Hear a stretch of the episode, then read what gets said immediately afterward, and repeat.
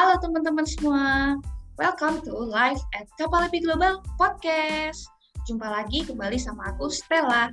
Oke, di topik hari ini pokoknya cocok banget ya untuk teman-teman di range usia yang masih muda dan fresh.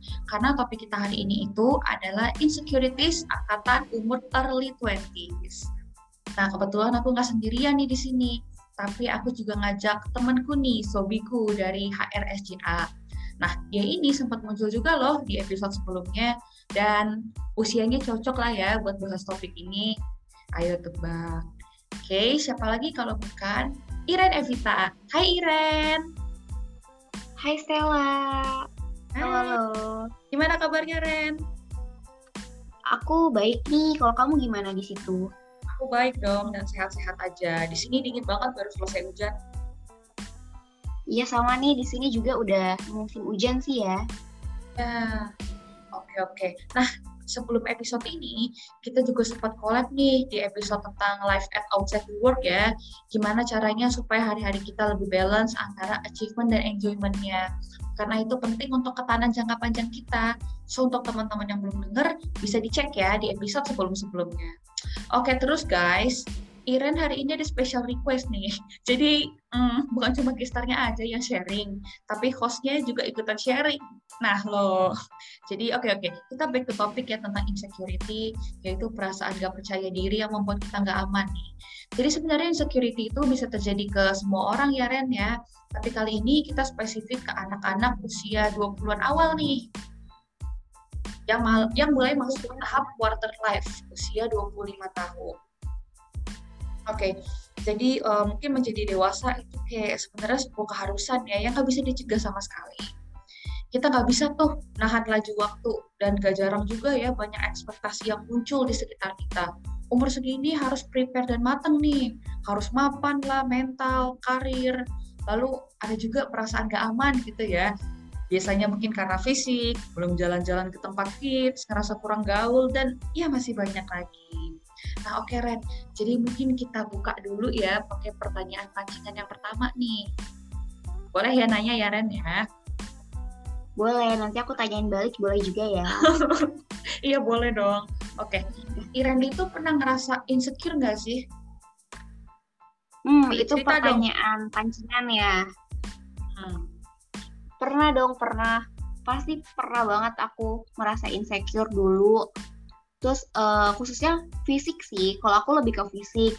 Kayak misalnya dulu kan aku kan sampai sekarang sih masih pendek ya buat ukuran standar perempuan kan itu kan 155 cm kan, aku di bawah itu. Terus aku juga dulu tuh lebih cabi walaupun sekarang juga masih cabi. Cuma dulu tuh benar-benar lebih cabi. Terus kayak uh, agak dekil, terus kayak coklat gitu karena sering keluar panas-panas siang-siang gak pakai sunblock. Udah gitu pakai kacamata, kacamatanya tebel karena minusnya tinggi kan udah gitu suaranya tuh cempreng kayak anak kecil gitu deh pokoknya vibe-nya. Sampai umur 20-an tuh aku merasa insecure sama fisik aku yang kayak gitu. Tuh. Nah kalau kalau kamu insecure fisik juga nggak sih? Atau insecure-nya yang lain nih? Ah iya. Jadi insecure fisik mungkin pasti ada lah ya. Anak-anak perempuan gitu punya banyak perbandingan. Tapi mungkin aku mau cerita ke hal yang lain ya. Lebih tepatnya itu pas aku lagi nge-explore diri nih kayak jadi kan waktu aku SMA kan maksudnya nyari-nyari hobi gitu ya. Dulu aku suka banget sama gitaris Sung Hajung dan juga Slash. Jadi kepikiran tuh pengen bisa main gitar. Cuma ada ya mulut-mulut yang komentar gitu. Apakah terlalu telat ya umur 15 tahunan tuh belajar alat musik baru? Apalagi Stella kan orangnya susah belajar hal baru ya gitu harusnya tuh belajar gitar tuh dari kecil. Di mana itu tuh golden age ya buat belajar hal yang literary baru. Apalagi Stella ini kan gak ada musikalitas ya nyanyi aja fals gitu. Nah ya udah maksudnya itu untuk sebagai pacuan awal cukup lumayan bikin down sih. Dan pas latihan awal-awal ya genjrengan gitarku tuh dikatain kayak pengamen Ren. Dalam artian pengamen yang asal. Soalnya kan ada pengamen yang bagus juga ya. Dan bahkan pas aku latihan di rumah ada anak tetangga main ke rumah aku. Anak tetangga itu umur tiga tahun nih padahal ngetawain aku coba. Aku sedih banget. Ya ampun parah banget. Iya sempat down. Ya sempat down lah pokoknya kayak gitu Ren Oke, okay, mungkin back to topik kamu ya. Nah, tadi kan mungkin kamu dulu punya insecurity soal fisik ya. Gimana sih cara Iren itu ngadepin insecurity soal fisiknya itu? Kalau aku sih lebih coba ini ya. Kalau menurut aku, uh, kalau buat menerima insecure fisik aku dengan menerima aja gitu kayak oh nggak apa-apa gue begini, aku begini nggak apa-apa, itu kurang efek sih. Aku nggak tahu kalau yang lainnya mungkin bisa ngefek seperti itu. Cuman kalau aku harus ada sesuatu yang aku lakukan untuk mengurangi insecure aku. Jadi aku kayak merawat diri gitu. Lebih kayak misalnya olahraga kayak dua kali seminggu lah kira-kira dua sampai tiga kali seminggu. Atau enggak minimal itu satu kali dalam seminggu harus olahraga. Dan aku tuh olahraganya karena mau biar rutin ya aku cari yang gampang-gampang. Kayak misalnya nih aku plank plank satu menit terus kayak lari di tempat gitu 10 menit. Nah itu doang aku lakuin. Terus juga makanan makanan juga banyak yang buah-buahan. Lebih sering sayur-sayuran terus kurang-kurangin tuh yang kayak ciki-ciki. Terus juga kayak kalau misal keluar nih pagi panas-panas bahkan kalau misalnya pagi aku tetap pakai uh, sunscreen di muka sama di uh, tubuh gitu kecuali kalau malam karena kayak gak ada mataharinya kan. Jadi aku kayak berusaha melakukan sesuatu gitu untuk merawat diri supaya aku kayak bilang ke diri aku nih aku udah usaha nih. Dan kalau misalnya nantinya entah gimana hasilnya yang penting aku udah usaha gitu sih cara aku mengatasi insecure fisik. Walaupun sekarang ya walaupun sekarang mungkin orang-orang udah bilang oh beda ya udah lebih bagusan lah sekarang. Tapi tetap aja gitu insecure fisik tuh sebenarnya masih ada. Sekarang kayak masih takut kelihatan bare face masih takut cabi masih takut kayak dekil gitu. Tapi lebih merasa bisa menerima diri gitu sih dibanding kalau dulu. Gitu sih kalau aku. Tapi aku penasaran sih kalau misalnya fisik kan kayak gitu ya merawat diri kan salah satunya. Tapi kalau kamu kan gitar ya, aku kayak penasaran nih, gimana sih gitar kamu jadinya latihan kah, terus jadinya bisa kah, atau gimana gitu? Oke. Okay. karena Iren tadi ngomongin tentang appearance gitu ya, aku mungkin sebelum ke gitar aku tuh punya komentar tentang impression aku ke Iren gitu kan. Ya ampun awet muda banget, so cute. Jadi aku rasa nggak perlu ada yang di insecurein lagi deh. Makasih loh, makasih. Uh, iya, jadi itu membantu. iya, it's so good. Nggak serius, ini, ini tulus loh. Oke, oke. Okay, okay. Nah, itu kembali ke gitar kali ya. Sebenarnya aku sepakat sama Iren ya, kalau seandainya tetap diperlukan effort juga gitu. Jadi akhirnya dari ke insecurity aku yang dirasa nggak punya potensi lah gitu kan dalam bermusik akhirnya aku tuh latihan banyak dari resource di internet karena kan pas aku kelas 1 SMA ya udah ada lah internet tipis-tipis gitu kan. Jadi setiap pulang sekolah walaupun capek aku masuk kamar kunci pintunya latihan sampai malam all out sampai tanganku. Sampai jadi-jadi aku kapalan gitu kapalan parah dan gemeteran megang pulpen. Dan aku aku nggak mau ada yang lihat aku latihan waktu itu kan takut ngedown takut dikomentarin lagi kayak pengamen gitu kan terus akhirnya aku udah lumayan percaya diri nih. Jadi waktu itu aku belajar tentang satu lagu yang menurutku oke okay lah gitu kan. Lagunya instrumen judulnya tentang stairway judulnya itu stairway to heaven ya. Jadi dulu ada semacam event seleksi remaja bertalenta nih. Datang ke SMA aku buat promosi. Aku tertarik buat daftar tapi lagi-lagi aku diam-diam gak mau di show off ke temen. Malu kan? Nah di situ adalah penampilan gitar pertama aku untuk umum. Dan surprisingly abis itu pada tepuk tangan dan orang-orang pada komentar wah Stella gak nyangka bisa juga ya main gitar. Ya walaupun di situ posisinya aku masih bisa dibilang masih ya basic lah belum bisa-bisa banget dan banyak yang perlu diimprove. Jadi at least tapi dari keadaan itu aku bisa membuktikan sesuatu nih Ren. Kalau potensi manusia itu nggak ada batasnya. Jadi skill itu sendiri kan terdiri dari apa ya talent kali effort gitu ya. Jadi meskipun mungkin aku punya talent 0,1 gitu, tapi effortku itu 1000, aku tetap tuh bisa dapat nilai 100 dari 0,1 kali 1000 itu. Dan talent itu nggak mungkin ada yang namanya nol atau minus. Jadi kita bisa jadi apa pun yang kita mau selama ada komitmen dan konsisten. Gitu. Karena sejak momen itu aku berpikir kalau setiap manusia itu hebat, gak ada limitnya dalam belajar apa pun. Bahkan even orang paling pendiam dan malu-malu yang kita tahu, yang paling gak punya potensi, bisa jadi seseorang yang oke okay gitu di masa depan. Gitu sih kalau dari aku, Ren. Keren banget. Aku padahal ini baru awal-awal ya tapi aku kayak merasa udah belajar gitu sih dari Sela yang tadi dia bilang talent X effort gitu itu aku sebenarnya tanpa sadar memang ngelakuin itu. Tapi kayak pas begitu disebutin gitu di shout out sama Sela aku baru kayak kerimain gitu. Oh ya bener sih talent X effort dan ini yang udah aku lakuin makanya bisa kita merasa bisa merasa lebih better gak sih dari segi perasaan terhadap insekuritas kita? Ya bener Ren. Jadi maksudnya insecurity soal talent tuh ternyata tetap bisa diatasi ya kalau seandainya kita tuh effortnya tinggi gitu. Memang capek sih ya, cuma terbayar kan pada akhirnya gitu sih. Iya ya, aku setuju setuju. BTW itu talent kali effort itu aku dapat dari um, ini sih dapat dari rekan kantor aku atasan aku Kanela jadi dia tuh kayak semacam nulis itu tuh di sticky notes di meja kalau nggak salah ya atau di mana gitu dan itu cukup nancep juga sih oh oke okay, ini benar dan aku relate jadi ini izin pinjam istilahnya ya Kanela ya kalau Kanela denger ini. Oke oke. Nah itu kan tentang insecurity kita masa lalu ya dan seneng banget nih maksudnya akhirnya cerita kita berdua tentang appearance fisik dan skill bermusik akhirnya maksudnya happy ending gitu kan.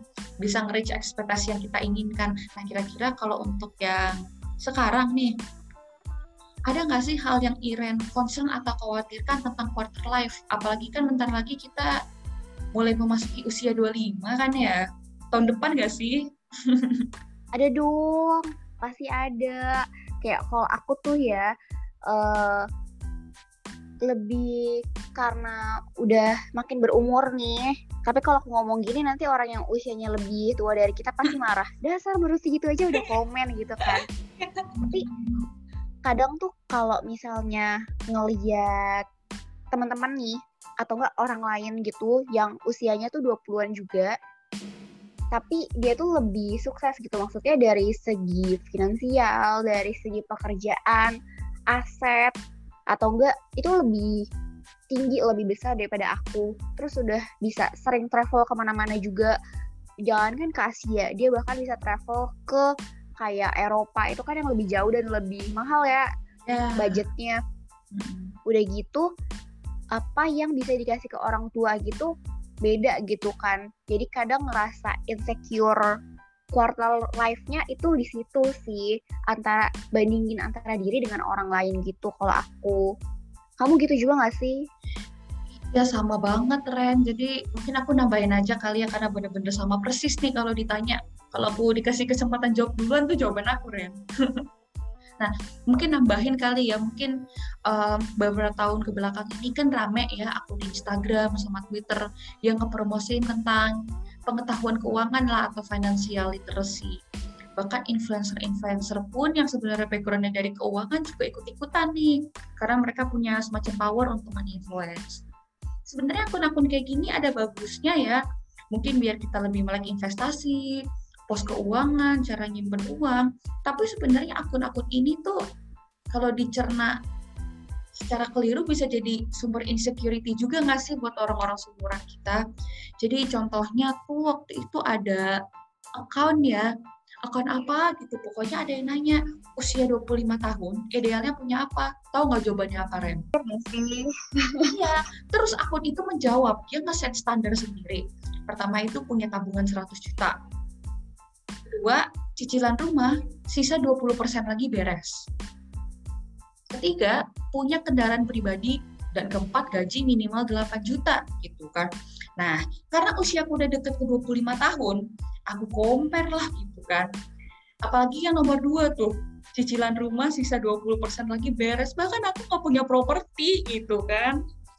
punya kendaraan pribadi, aku ke kantor naik KRL gitu kan. Jadi apakah Stella ini jauh dari yang namanya definisi ideal gitu kan? belum lagi ya sama tuh kayak Iren jelasin kayak di TikTok kan banyak anak-anak muda yang hebat ya kayak umur 20 tahun bikin startup bisnisnya sukses sedangkan ya aku masih gini-gini aja gitu sih oke nah terus kalau seandainya Iren gimana sih cara ngadepin situasi tersebut Ren jadi minimal walaupun insecurity itu belum hilang sepenuhnya gitu tapi at least bisa dikurangi. Iya benar-benar. Aku setuju sih maksudnya kalau insecure tuh kalau menurut aku kayak bakal selalu insecure gak sih? Karena kan pasti ada aja orang yang lebih hebat dari kita kan. Terus pasti kita emang manusia tuh ya suka ngebanding-bandingin deh. Gitu sih. Jadi aku setuju banget sama yang bilang Stella begitu dia ngomongin ya dia sebutin tuh tadi empat apa lima ya empat ya kalau nggak salah. Apa yang harus dimiliki orang usia 25 tahunan? Beh aku juga masih naik kendaraan umum. Aku juga anak kereta nih. Oh, jadi kayak begitu anak stasiun gitu. banget gak sih? Iya benar. Uh, kamu stasiun mana? Stasiun UI jauh ya? Hmm, terus jauh terus. ya. Iya terus benar juga sih kalau kata Stella karena itu masih ada paling kita bisa mengurangi kali ya. Kalau aku sih lebih kayak balik lagi sih mm, effort. Jadi kayak aku menghargai banget effort yang udah aku buat. Karena kalau menurut aku tuh itu bisa bikin aku lebih menerima dan bisa lebih apa ya self compassionate kali ya istilahnya. Jadi kayak uh, apa pun nih hasilnya aku terima gitu loh. Dan aku jadiin aja pengalaman yang berharga dan lebih berfokus pada si pengalaman itu dan lebih berfokus pada usaha aku juga. Sementara kalau misalnya nih aku kebetulan dari pengalaman dan dari usaha aku di masa lalu itu memberikan hasil yang positif gitu ya. Misalnya entah menang lomba atau misalnya dapat kerjaan yang oke okay, atau misalnya dapat yang positif positif lah aku bakal anggap itu bonus yang mengikuti gitu. Jadi benar-benar kayak dengan berfokus pada pengalaman dan usaha aku bikin aku merasa gak terlalu toxic lah ke diri sendiri gitu. Itu sih kalau aku. Nah uh, dan apa ya? Lebih ini juga sih kalau aku kayak berbenah diri gitu kali ya. Maksudnya udah tahu aku ini insecure karena aku masih merasa kurang. Kalau gitu apa ya yang bisa aku lakuin buat menambah kekurangan aku itu jadi kayak aku tuh suka kebetulan emang suka baca buku ya. Jadi kayak baca-baca buku self development supaya bisa dapat insight. Atau enggak nonton film gitu atau nonton sesuatu yang misalnya kayak dari TED gitu kan. Itu kan bikin aku bisa ketemu sama beragam perspektif beragam jenis latar belakang orang gitu. Terus juga biar nggak terlalu improve yang serius banget aku tuh kayak cobain hobi atau aktivitas baru. Jadi kayak kalau salah tadi kan misalnya dia main gitar gitu kan ya mirip-mirip gitulah cari sesuatu yang baru tapi yang tetap cocok gitu sama diri yang bisa bikin yang bisa kasih apa ya perasaan yang lebih energetik atau nggak harus kasih nggak harus kasih perasaan energetik deh si aktivitas itu. Mungkin bisa juga aktivitas yang menenangkan kali ya jadi supaya uh, supaya kita tuh eh, nggak uh, cuman improve yang serius tapi juga improve internal gitu. Jadi bisa bikin kita lebih relax lebih apa ya lebih enggak lebih enggak terfokus pada insecure gitu. Bisa lebih relax. Kalau menurut aku sih itu kalau aku. Nah tapi aku penasaran siapa tahu Stella ada jawaban lain gitu kan ada sih tapi menambahkan kamu. Dan anyway sebelum aku jawab aku suka banget loh sama jawaban kamu yang sebelumnya ya. Apalagi terkait dengan apa tadi? Self compassionate ya. Jadi sering banget kita itu udah berusaha tapi mungkin hasilnya di bawah ekspektasi kita ya. Kita tuh nggak menghargai effort kita sendiri. Dan bisa jadi malah makin benci sama diri sendiri dan makin insecure. Tuh kan gue udah nyoba tapi masih jauh nih dari standar yang gue tentuin gitu kan itu sih. Jadi aku rasa ini juga bisa jadi bahan refleksi ya buat diri aku sendiri seberapa jauh apakah aku sudah menghargai effort yang aku lakukan sendiri gitu. Jadi ini what a good reminder sih. Thank you loh. Oke. Okay. dan jawaban aku ya mungkin untuk resep ngurangin insecure kalau dari aku yang biasa aku terapkan itu adalah men-switch men-switch mindset gitu ya. Jadi selalu menganggap kalau kompetitor kita itu bukan orang lain ya, orang lain itu bukan comparison yang apple to apple. Tapi perbandingan yang paling valid adalah membandingkan dengan diri kita sendiri di masa lalu. Karena kalau seandainya kita anggap orang lain sebagai pembanding ya, itu nggak adil. Jadi garis start kita aja udah berbeda, itu background keluarga dan lain-lain itu kan sebenarnya kan mempengaruhi ya di mana kita berdiri dan memulai gitu sih. Dan yang kedua itu aku tuh pernah baca artikel ya tentang FOMO dan JOMO. Nah, kalau FOMO, jadi ada dua jenis sih. FOMO itu kan namanya fear of missing out ya, singkat FOMO.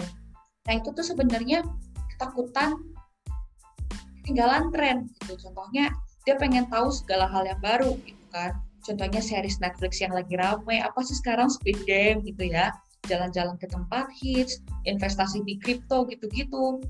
Nah, sebenarnya bagus ya, maksudnya ngikutin zaman gitu. Kita jadi banyak tahu cuma di sini tuh konteksnya terlalu over limit gitu, melebihi batas kita. Jadi bahkan even hal yang kita suka pun kita paksakan kapasitas kita untuk tahu dan ngikutin hal tersebut walaupun dalam hati itu nggak mau. Nah, jadi efeknya ya kita selalu invest waktu nih, jatuhnya buang-buang waktu buat ngikutin yang hal yang kurang esensial ya, karena hati kita belum tentu suka cuma demi pengakuan dari orang lain. Nah, itu tadi FOMO. Terus ada lagi yang namanya JOMO. JOMO itu joy of missing out, itu kebalikannya FOMO. Jadi uh, Jomo itu kan adalah perasaan ya di mana kita merasa puas dan bisa enjoy segala situasi hal yang kita alamin sekarang nih. Bahkan kita nggak ada keinginan nih untuk membandingkan, mengkompar apa yang kita rasakan sama kehidupan orang lain. Nah mungkin caranya untuk lebih apa ya, lebih ke arah Jomo gitu dan meninggalkan FOMO mungkin kita perlu batasin diri kali ya main sosmed bukan berarti nggak boleh tapi ada targetnya gitu. Misalnya sehari yang biasa 4 jam gimana kalau kita nggak lebih dari tiga jam per hari gitu dikurangi pelan-pelan ya. Terserah sih intinya jangan sampai itu ngurangin produktivitas. Dan perlu diingat juga kalau kita ngelakuin hal yang gak align atau gak sesuai sama tren bukan berarti kita lebih inferior gitu ya. Tapi simply kita cuma beda aja dari teman-teman kita yang lain. Jadi gitu sih. Terus misalnya sering gak sih Ren? Kayak ngeliat updatean orang sukses di masa muda. Terus kayak apa ya? Kayak semacam kena mental gitu. Aduh sering banget. Iya.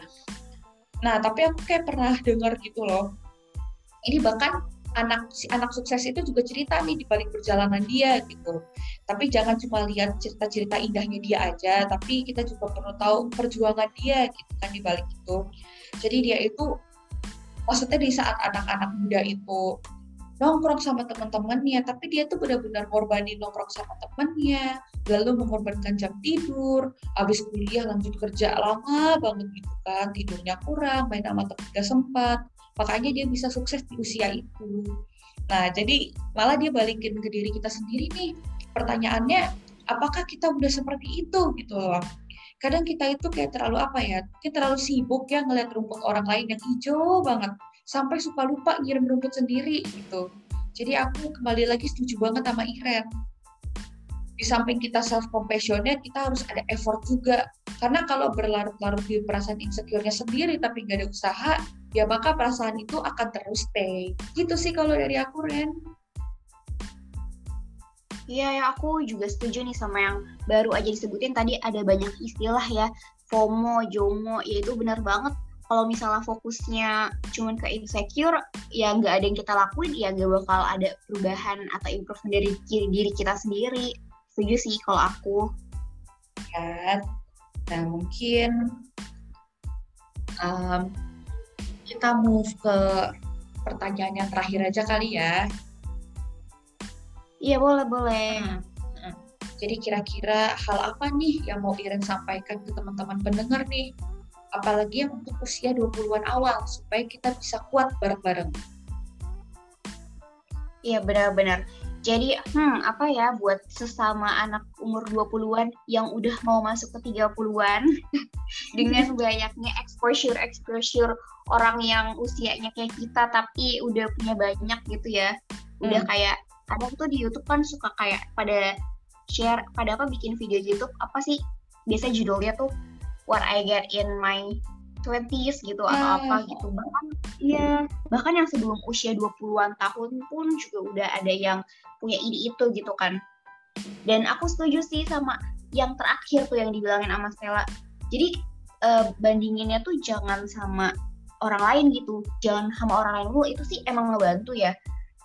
Memang kalau misal kita melihat orang lain kita kan mungkin bisa jadi termotivasi untuk seperti itu. Tapi kadang tuh itu juga bisa menjatuhkan kita. Kayak malah bikin kita tuh makin merasa kecil.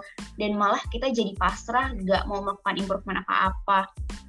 Jadi sih mungkin kita bisa sama-sama kali ya membandingkan diri kita hanya dengan ya diri kita sendiri tapi di masa lalu. Jadi kita lihat nih apa yang udah kita telah lalui dan dapatkan di sekarang kita bandingin sama yang kita di masa lalu.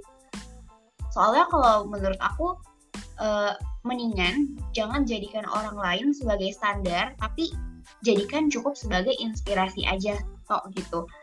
Tidak perlu kita pengen jadi orang besar atau orang hebat gitu ya, yang kaya banget atau yang sukses banget. Karena tiap orang kan punya jalannya dan kebahagiaannya dan tujuannya masing-masing gitu ya. Jadi apa ya cukup jadi diri sendiri aja gitu yang memaksimalkan potensi dalam diri dan pokoknya bahagialah ya kita bareng-bareng kita saling berbahagia gitu. Itu sih kalau aku. Oh. ya ya ya iya bahagia ya kita Stella. Harus bahagia. Kalau kamu ya. gimana Stella? Mungkin sebelum aku ya aku maksudnya setuju banget sama kamu sih mak maksudnya apa ya orang itu punya jalannya masing-masing sih dan bener banget gitu cuma kenapa kita kebanyakan yang fokus ke hal-hal yang berkaitan sama finansial karena itu yang bisa dihitung iya nggak sih Iya benar banget, aku hmm. juga baru mau pas kamu shout out barusan. Padahal ada banyak kan di luar finansial yang bisa membuat kita yeah. tuh iya. adalah orang sukses gitu kan. misalnya tentang keluarga kita, kesehatan kita, cuma kan itu bukan hal yang sus apa ya, hal yang susah dikuantifikasi sih, susah didescribe gitu. Dan sulit di show off di sosmed, di sosmed juga, jadi itu hal yang gak kelihatan, tapi ternyata itu juga penting, penting banget gitu kan. Benar-benar, kita tuh mulai membandingkan tuh karena karena apa yang di-sharing orang lain kan dan yang di-sharing itu kan yang bisa dihitung. Bener sih setuju-setuju apa yang di show off di sosmed itu rasanya keren gitu kan dan kita juga pengen jadi orang keren. Siapa sih yang gak pengen jadi orang keren? Mau dong. Oke oke. Nah kalau seandainya dari aku sih ya ya um, penting juga untuk apa ya mungkin tadi tips dari Iren tentang untuk teman-teman itu tadi udah lengkap banget. Aku cuma mau nambahin dikit sih. Penting juga selain untuk mengatasi insecure, kita juga menjaga lisan kita. Dalam artian jangan ngucapin kata-kata yang bikin orang insecure. Karena kan kita udah tahu ya insecure itu rasanya gak enak. Nah sekarang jangan sampai itu terjadi ke orang lain cuma karena kata-kata kita doang. Jadi ada kalanya tuh banyak statement yang muncul yang apa ya yang menghancurkan kebahagiaan orang tuh. Misalnya kita ngelihat orang terus salty nih ih kok begitu dong di upload aku aja yang punya lebih biasa aja gitu. Kok norak banget sih? Nah harusnya kan kita respect ya sama standarnya orang lain yang beda-beda tuh terus ini berdasarkan pengalaman pribadi nih jadi kalau ada yang lagi nyoba sesuatu coba jadi suportif gitu. Jangan bilang ah itu susah lo nggak mungkin bisa gue aja nggak bisa kan. Padahal tadi di topik kita gitu kita berdua sepakat ya kalau seandainya potensi manusia itu nggak ada batasnya gitu. Apalagi kalau seandainya effort dia kuat apa pun itu bisa dilakuin sama dia. Jadi dengan hal-hal itu kita bisa sering-sering spreading positivity ya jadi pribadi yang positif. Dan nanti kalau seandainya kita jadi orang yang membawa energi positif nih, penuh optimisme, kan kita bisa jadi magnet ya yang nge-attract hal-hal positif di sekitar kita. Gitu sih kalau dari aku, Ren. Setuju, setuju. Setuju banget sih sama yang tadi salah bilang. Kayak yang tadi tuh, kita tuh, apa ya, yang ada istilah nih, put ourselves in other shoes gitu kan ya. Kalau kita nggak mau digituin, kita nggak mau dibikin insecure, ya jangan bikin orang lain insecure. Setuju sih. Kayak gitu sih. Jadi kita saling support satu sama lain aja lah ya, kayak generasi umur 20-an sekarang kan tekanannya agak gede nggak sih? Karena ada sosmed dan lain-lain. Kalau dulu benar, mungkin benar. cuma ya, kalau dulu mungkin cuma anak tetangga gitu. Zaman-zaman orang tua kita gitu, lihat sih itu anaknya udah seperti ini kan. Kalau sekarang kita bukan cuma anak tetangga, tapi dengan dance story aja main HP mau cari happy, eh kok malah insecure. Iya benar banget ya ampun. Dulu mah enak ya sekarang kayak udah iya. banyak banget.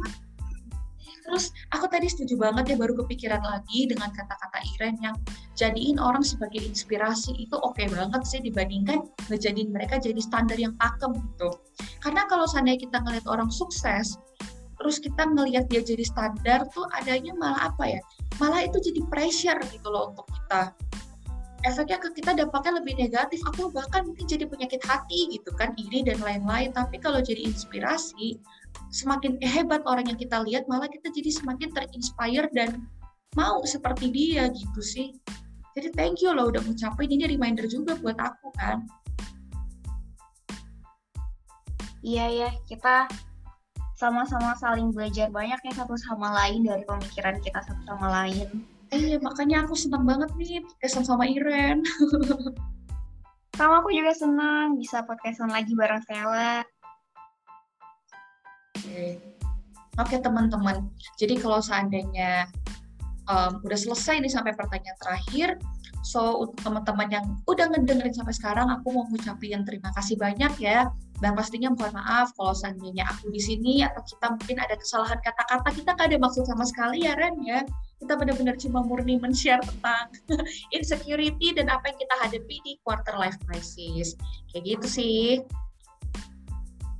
Jadi teman-teman, thank you for listening dan sampai jumpa kembali di episode lainnya yang lebih seru. Dan juga thank you ya Iren atas waktunya. Kapan-kapan kalau ada kesempatan kita bisa jumpa lagi, oke? Okay?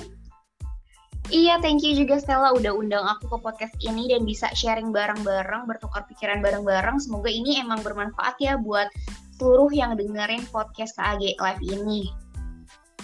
Oke, okay, sip. Thank you semuanya. Bye. Bye.